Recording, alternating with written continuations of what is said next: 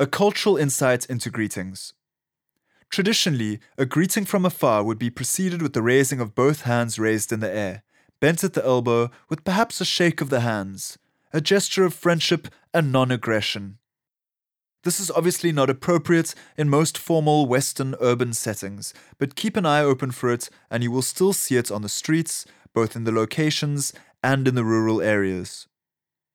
It is usual for a younger person to greet an elder person first, and to expect to at least exchange how do you do's and possibly a few other questions as well around your origins.